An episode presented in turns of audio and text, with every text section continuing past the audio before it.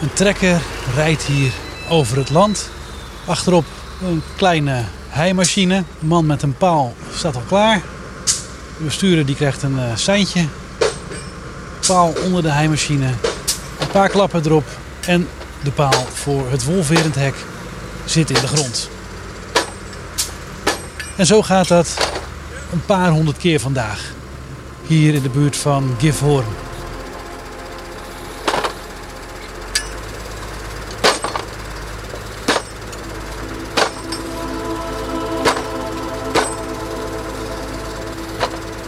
Hier in Duitsland bouwen ze oerdegelijke hekken. Grundlich. Wolfproof ook, dat garandeert men zelfs. En zelfs de Belgen komen hier het kunstje afkijken. Ik ben eigenlijk een uh, aanknopingspunt aan het maken. Hier komt er dan een, um, een poort. En hier begint eigenlijk de stroomdraad. Dus ik ben eigenlijk het begin aan het uh, vastknopen. De stroomdraad aan de paal aan het knopen. Maar belangrijker nog, de boeren hoeven hier niet zelf het wiel uit te vinden. Vrijwilligers zetten voor hen hekken. En ze helpen ook met de expertise. Kennis die komt uit de natuurorganisatie NABU in Duitsland. Je luistert naar Juichen of Jagen, de wolf in Noord-Nederland. Een podcast van Dagblad van het Noorden en Leeuwarder Courant. Aflevering 6. Leloep, de wolf, de wolf in het buitenland. Waar gaan we heen, Wouter? We volgen Peter Schute van uh, Herdenschutz Niedersachsen. Die gaat ons iets vertellen over wat hij hier doet. We hebben net een lekkere lunch gehad, want uh, er is een heel team. Documentairemakers, een wolf fencing team uit België. Ze gaan allemaal kijken hoe ze hier de hekken opzetten.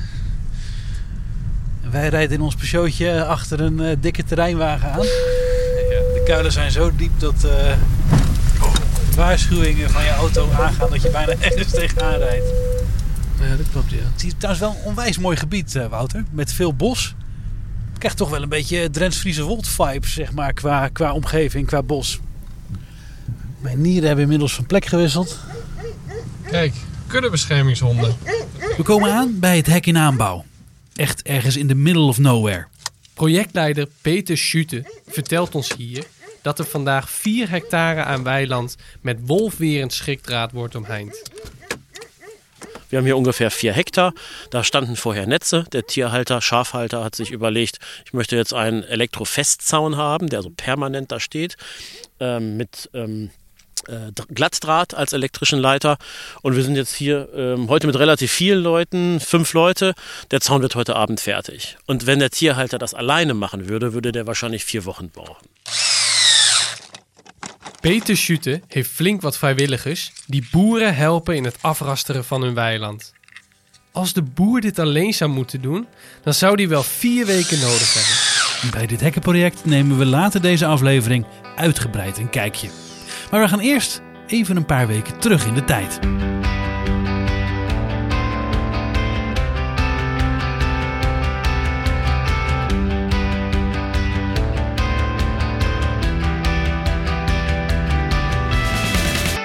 Uh, Jeroen, in Ja? de vorige aflevering hoorde je natuurlijk allerlei manieren hè, om met die wolf om te gaan. Absoluut schieten, hekken zetten, ruimte maken, africhten. Ja, noem ja maar op. Ik bedoel, we hoeven dus het wiel niet helemaal zelf uit te gaan vinden, toch? Want in het buitenland hebben ze ook al heel veel ervaring met de wolf. Nou, absoluut. En misschien al wel veel langer dan wij, want er zijn landen in Europa waar die wolf nooit is weg geweest.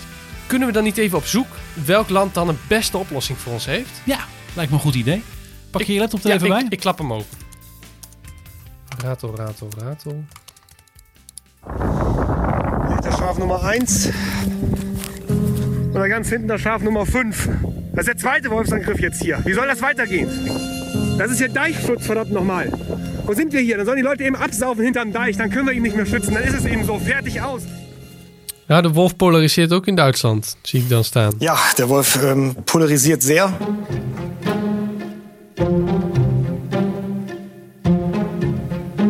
En ik zie ook dat elke drie jaar verdubbelt het aantal wolven daar. Oh jee, hier is zelfs een afgehakt wolvenhoofd is voor een hoofdkantoor van een natuurorganisatie neergelegd. En ik zie dat hier negen dode wolven zijn aangetroffen in Italië. Die Ja, mogelijk vergiftigd zijn. Ja. ja. Jeetje. Ja, overal gebeurt wel. Meer wolven worden gejaagd in Letland. hey, Frankrijk. eh, boeren die kidnappen een boswachter vanwege de wolfaanvallen. Dus in 2015. Met de eis dat ze meer wordt gedaan tegen wolfaanvallen. Un patou, c'est le petit nom, on va dire, euh, du chien de protection de troupeau. Donc euh, il y a un intérêt justement à ce que les chiens sachent discerner correctement ce qui est une menace pour leur troupeau et ce qui n'en est pas forcément. Franse schaapherders hebben het antwoord op de wolf. De Pyreneese berghond. Dat is dan weer mooi. Ja, en wat ik dan ook zie, als je wolven wil zien in het echt, dat je dan toch naar Roemenië moet. Oh, Zeker in de Karpaten wonen heel veel Eurasiatische wolven. jeetje. 25 tot 3000 wolven. Moet je tijdens het wolvenspotten wel even oppassen voor linkse en bruine beren, want die zitten daar ook.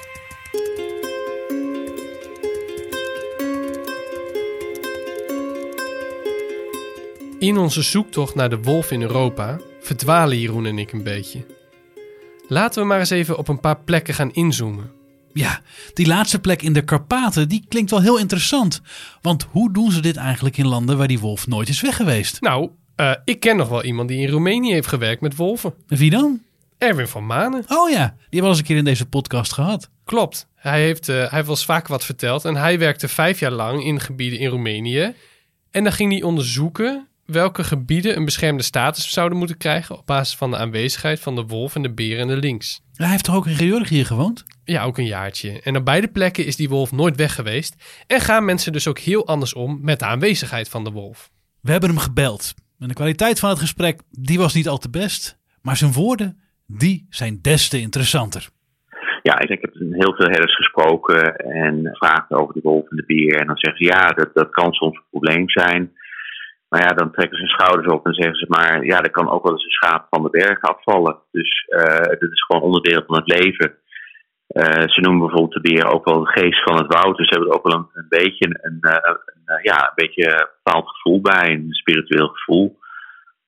Maar veel, veel, eigenlijk veel harder en veel meer gewend aan, aan, een, ja, aan een soort leven wat eigenlijk al eeuwenlang bestaat. Volgens Van Manen wordt er wel degelijk meer geschoten dan bij ons, maar er is ook gewoon meer acceptatie van de wolf. Misschien is de emotie wellicht wat lager, omdat daar uh, eeuwenlang eigenlijk, ja, die mensen hebben daar onder armoede geleefd, nou, nou, heel hard leven ook. En zijn natuurlijk wel iets meer gewend. Uh, desalniettemin vinden ze absoluut niet leuk. En als ze de kans krijgen, zouden ze ook misschien wel een, een bol schieten. Maar daarnaast zeggen ze ook, ja, we verliezen ook gewoon dieren door, door andere, op de andere oorzaken. Dat is gewoon way of life. Ze kunnen wel heel goed relativeren. Dat zijn wij niet meer gewend. Uh, elk verlies of elk controleverlies over iets, ja, dat, dat hakt er flink in. Terwijl in arm, veel armere landen, waar ze eigenlijk relatief nog meer te verliezen hebben, uh, gaan we er toch heel anders mee om.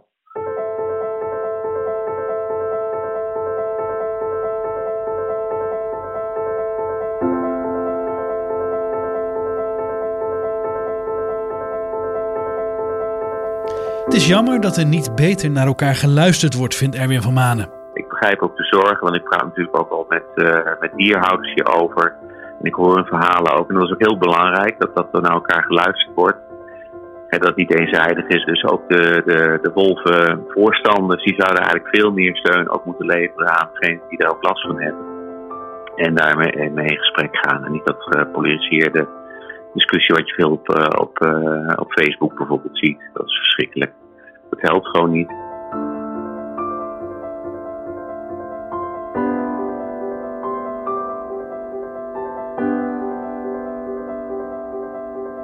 Nou, dat was best interessant wat Erwin van Manen te vertellen had. Maar toch vraag ik me af wat we daar in Nederland mee kunnen en moeten. Ja, dat snap ik wel. Je kunt moeilijk van mensen verwachten dat ze heel anders naar hun dieren en hun vee gaan kijken, denk ik. Dat denk ik ook. Nou, dan moeten we verder zoeken naar een oplossing.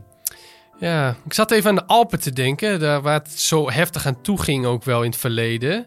Met die kidnapping en zo. Ja, daar is de wolf wel terug sinds de jaren negentig. Dus ja. hebben ze wel langer de tijd gehad om in ieder geval uh, te wennen aan die wolf. Ja, dus ik dacht, we moeten maar eens even gaan bellen met Jean-Marc Landry. Dat klinkt uh, Frans? Ja, of is hij stiekem Zwitsers? Frans-Zwitsers, ja, klopt. Hij schreef boeken over de wolf en hij zet zich in voor coexistentie. Het samenleven van wolf, vee, boeren en bewoners. Met name door de inzet van kuddebewakingshonden. Maar de laatste tijd zit Landry met zijn handen in het haar. So it's a big, big issue right now. They even have attack uh, in, in farm. Landry zegt, uh, het is echt een groot, groot probleem. Wolven hebben zelfs al dieren in een boerderij aangevallen en de wolf loopt regelmatig door dorpen. De wolf pakt steeds vaker runderen en de sfeer in het gebied is slecht. the state say you cannot protect a flock of cows. So if the wolf kill two cows, Hij vertelt dat de boeren wachten tot er twee koeien gedood zijn, zodat ze de wolf volgens de regels mogen afschieten in dit stukje Alpen. Er zijn al zes wolven doodgeschoten in het gebied, maar het helpt helemaal niks. Het aantal aanvallen blijft gelijk. like in France, they are killing wolves since many years, and, and the problem is still there. You know? Ondertussen zijn boeren steeds chagrijniger. Het gebied drijft op de consumptie van melk en kaas en de belangen zijn groot. Het idee is nu om de wolf te beschieten met rubberkogels. En de Italianen, die hebben hier goede ervaringen mee, zegt Landry. frightening and to create a, a bad a bad relationship. That means each time the wolf approach a flock of cattle, De wolf krijgt zo een vervelende ervaring als hij op plekken komt waar vee staat. En ook zetten ze in op nachthokken en wapperende linten aan hekken. Jean-Marc Landry ziet samenleven met de wolf als een morele overwinning. I'm pretty sure that if we can show that we can have a long-term cohabitation or coexistence with wolves, that means this gives me a lot of hope. Als dit kan, dan kunnen we misschien ook de klimaatcrisis en de teloorgang van de biodiversiteit te lijf, hoopt Landry.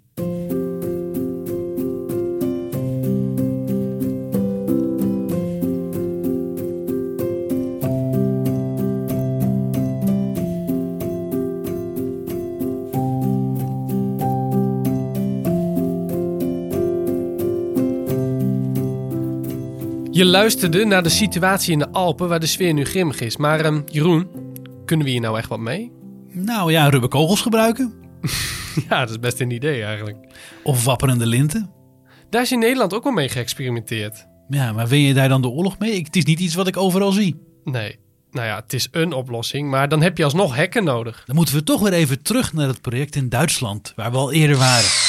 En waar een handvol Belgen druk bezig is met het bouwen van een wolfwerend hek.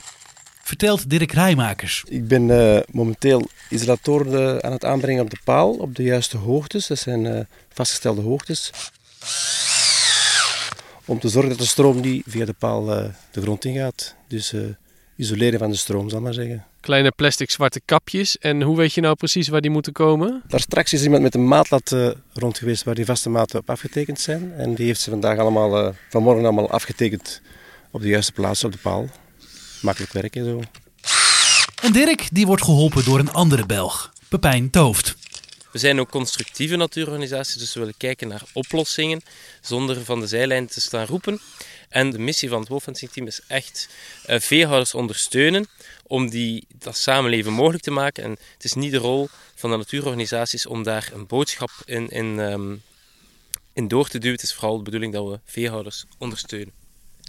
Dirk staat alweer te popelen om naar de volgende te gaan. Nou, dat is goed nieuws voor mezelf.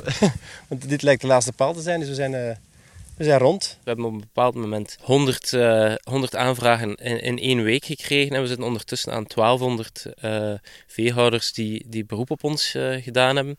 Eh, dus we gaan actief, actief eh, eh, de boer op nu. Hè. Dus we zijn bijna dagelijks op pad voor advies eh, te geven en te helpen.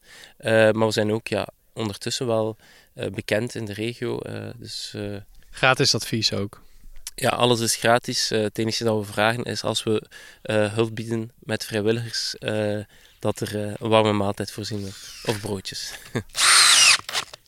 Tierhalter können uns kontaktieren. Wir haben nicht die Kapazitäten, hinter ganz vielen Menschen herzulaufen, sondern die müssen schon auf uns zukommen. Dierhouders die moeten naar ons toekomen, zegt Peter Schute. We hebben niet de middelen om achter heel veel mensen aan te gaan lopen. Alle Tierhalter, die wir unterstützt haben, das sind jetzt seit 2017 über 150 Tierhaltungen, wo wir Zäune gebaut haben. Über 350 Beratungen. Natuurorganisatie NABU heeft sinds 2017 bij ruim 150 veehouders hekken gebouwd. En 350 keer advies gegeven. Das ist für so ein kleines Projekt schon erstmal ganz schön viel. Und jeder dieser Tierhalter ist ein Multiplikator. Der erzählt das seinen Leuten weiter. Schute vindt dat een behoorlijk aantal voor een kleine organisatie. En het mooie is, zegt hij, de boeren vertellen het aan elkaar door. En zo bereikt Nabu steeds meer mensen.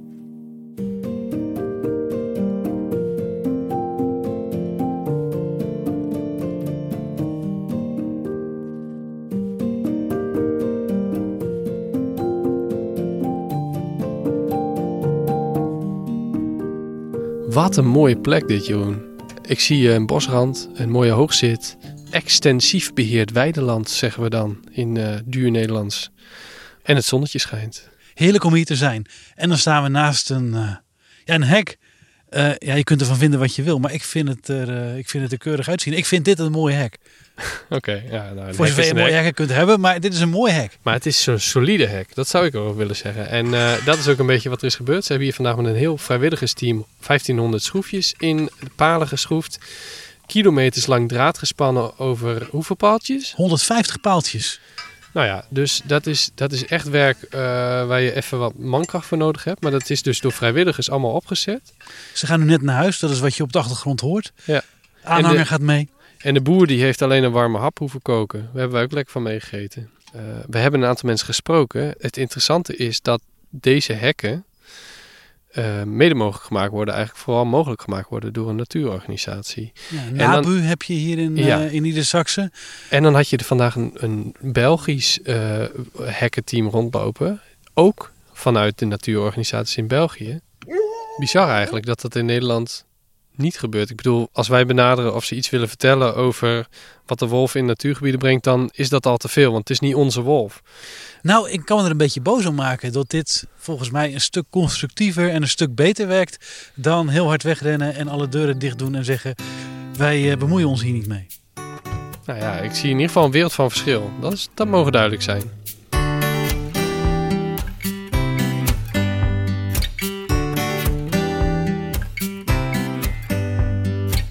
Weer even terug naar Peter Schute. Want de aanpak van Nabu werkt, zegt hij. 350 weiden, 7 jaar, keine Übergriffe. Op de plaatsen waar zij advies hebben gegeven of hekken hebben gebouwd, zijn volgens Schütte geen wolvenaanvallen geweest. Ich habe mir viele Zäune angeguckt, wo es Übergriffe gab, vor allem Elektrofestzäune, die, die wir nicht gebaut haben, und ich habe immer einen Fehler gefunden. Peter Schütte heeft veel hekken bekeken waar wolvenaanvallen waren, maar die niet door Nabu gebouwd waren. En, zegt hij, hij heeft altijd een fout gevonden.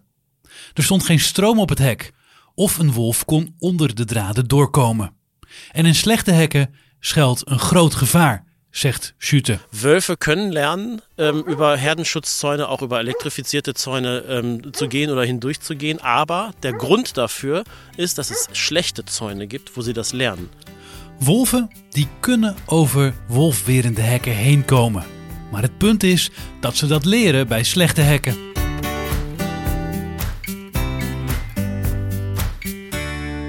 Duitsers, Belgen, Fransen, noem het maar op. Iedereen heeft goede oplossingen. En um, ik denk dat het wel goed is om in dit verhaal ook nog even het schieten mee te nemen. Want uiteindelijk is dat ook wat er in heel veel landen gebeurt. Ja, dat klopt. En we hebben het er natuurlijk ook zijdelings over gehad met Jean-Marc Landry.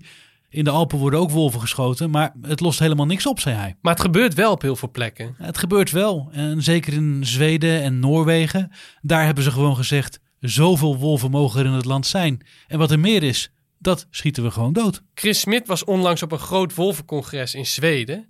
En daar ontdekte hij inderdaad dat we in Nederland eigenlijk best wel mild zijn tegen de wolf. Zeker als je dat vergelijkt met die Scandinavische landen. Veel dingen gaan hier ook wel goed, omdat we veel afkijken van wat, wat van andere landen. Bijvoorbeeld Duitsland en het bouwen van de hekken. En van, we kunnen profiteren van de kennis die er in andere landen is. En dat gebeurt ook veel van de beheerders. En uh, bij 12 uh, uh, wolvenmail.wolf in Nederland, die gaan ook natuurlijk naar het buitenland toe om daarvan te leren.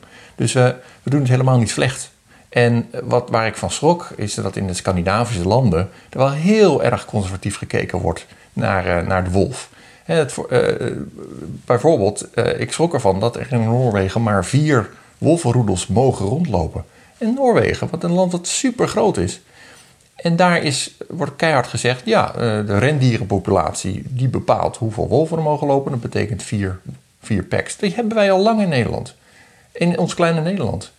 Eh, ik schrok ervan. Ik denk, ja, die rendieren zijn daar blijkbaar veel belangrijker. Eh, denk aan, nou ja, er zijn veel bevolkingsgroepen die natuurlijk ook eh, eh, eh, rendieren houden. Dat is een, een bron van inkomsten.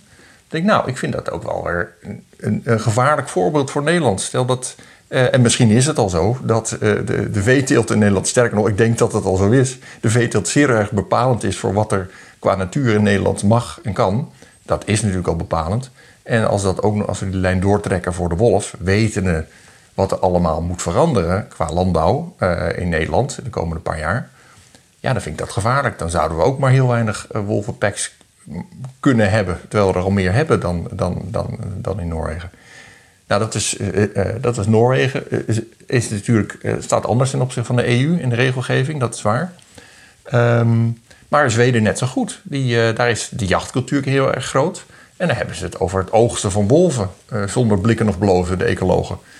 Eh, nou, ik, ik vind dat, eh, nou, dat... Daar moest ik aan wennen. En de, de harvesting of wolves, dat werd eh, gewoon eh, over die vier dagen dat we waren... regelmatig gebezigd door de ecologen. En wat, en wat oogst je dan? Eh, de- ja, de wolf en zijn, en zijn huid. En eh, eh, het is het hele... Voor, voor, voor de open haard of zoiets. Nou, ik weet niet wat er vervolgens met, met, die, met die wolven gebeurt. nee, maar ja, het, het schieten van wolven, predatoren. Het, ja, het, het kan. Ik denk dat het... ik- dat vind ik nog een stap te ver. En, goed, ik denk dat de, jacht, de jachtlobby in Nederland staat te juichen... bij het idee om wolven te gaan oogsten. Ehm, maar ehm, ik vind het... ik vind het beheren van een, eh, eh, eh, van een wolfpopulatie of, of maatregelen nemen, vind ik anders klinken dan oogsten van wolven. Wij zouden ook meer kunnen gaan schieten. Bijvoorbeeld zeggen, al die wolven buiten de Veluwe, die moeten we niet willen. Ehm, dat is een veel gehoord geluid. We willen best een wolf in Nederland, er mogen een paar in de Veluwe en daarbuiten afknallen. Ja, maar ehm, tegelijkertijd wil je een, eh, een minimum viable population hebben. Hè? Dus, dus, eh, Wat is dat? Dat betekent eh, dat, dat je genoeg genetische variatie hebt in een populatie om, om, nou, om te kunnen voorbestaan. Dus op het moment dat je zegt, velen we mogen een paar rondlopen, de rest schieten we af, dan voldoe je niet aan die, aan, aan die, aan die wens. Maar, maar wel als je Duitsland erbij trekt. Als je Duitsland bijtrekt. En feitelijk is eh, ja, de Nederlandse populatie, hè, dat maakt deel uit van de noordwestelijke wolvenpopulatie. Het is één hele grote populatie.